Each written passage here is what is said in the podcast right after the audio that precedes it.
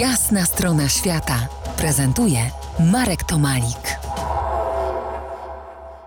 Im więcej cierpienia, tym mocniejsze wejście w sprawy niedostępne innym. Czytam w książce Wielka podróż psim zaprzęgiem duńskiego podróżnika Knuda Rasmussena, który w latach dwudziestych podróżował, w latach dwudziestych XX wieku podróżował po Arktyce.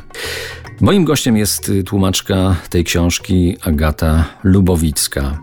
Knud w swojej książce pozostaje tropicielem duchowości Inuitów, często dotyka tematu tabu i tłumaczy nam niejako jego istotę, bo to nic innego jak zaklinanie rzeczywistości. Jeżeli nam się coś nie powiedzie, poniesiemy porażkę, to przez przekroczenie zakazu tabu, no i jest wytłumaczenie.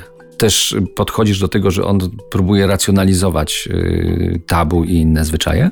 Rasmussen odbiera tę kulturę na dwie sposoby, te kultury, z którymi się spotyka. Z jednej strony jest to właśnie spojrzenie takie analityczne, spojrzenie antropologa, którym nie był, bo on nie miał formalnego żadnego wykształcenia w tym kierunku, ale miał olbrzymią praktykę, a z drugiej strony on, on to faktycznie czuje, on to rozumie, on to zna, bo po tylu latach pracy, obcowania z Inuitami, ta część, ta rzeczywistość też jest jego własna. Mnie bardzo poruszyła y, wyprawa Knuda po amulety. Jest jeden z rozdziałów książki o tym opowiada.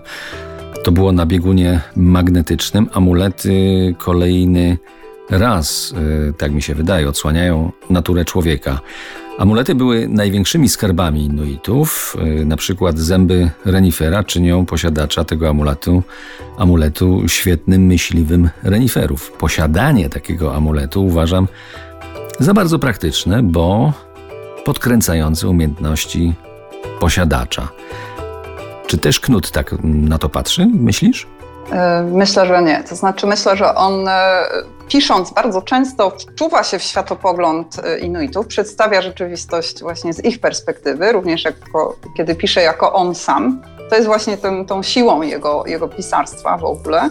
On to robi już od swojej, od pierwszej książki, którą wydał o Inuitach, o tytule Nowy, Nowi Ludzie i to konsekwentnie właśnie stosuje. Także czasem, e, czasem właśnie trudno jest rozróżnić między światopoglądem inuickim a rasmusenowskim. Mamy takie wrażenie, że to jest jeden, jeden światopogląd ale y, sam Rasmussen miał jednak pewien dystans do tego, y, co opisywał. Natomiast ta historia o amuletach jest dość ciekawa z tego względu, że mm, jak później y, wskazywała jedna z najbardziej utytułowanych duńskich antropolożek, Kirsten Hestwop, która napisała bardzo obszerną biografię Rasmussena, on był krytykowany właśnie za, za e, ten sposób, jaki potraktował tych mieszkańców e, bieguna e, magnetycznego. No, niejako trochę podstępem właśnie od, wyłudził od nich te amulety, chociaż oczywiście on pisze w swojej relacji, że, że oni na pewno nie czuli się poszkodowani. Wpisuje się w kolonializm, który dobrze znamy z innych y, części świata. Do tej rozmowy powrócimy jeszcze za kilkanaście minut psim zaprzęgiem daleko na północy, gdzieś w Arktyce. Zostańcie z nami.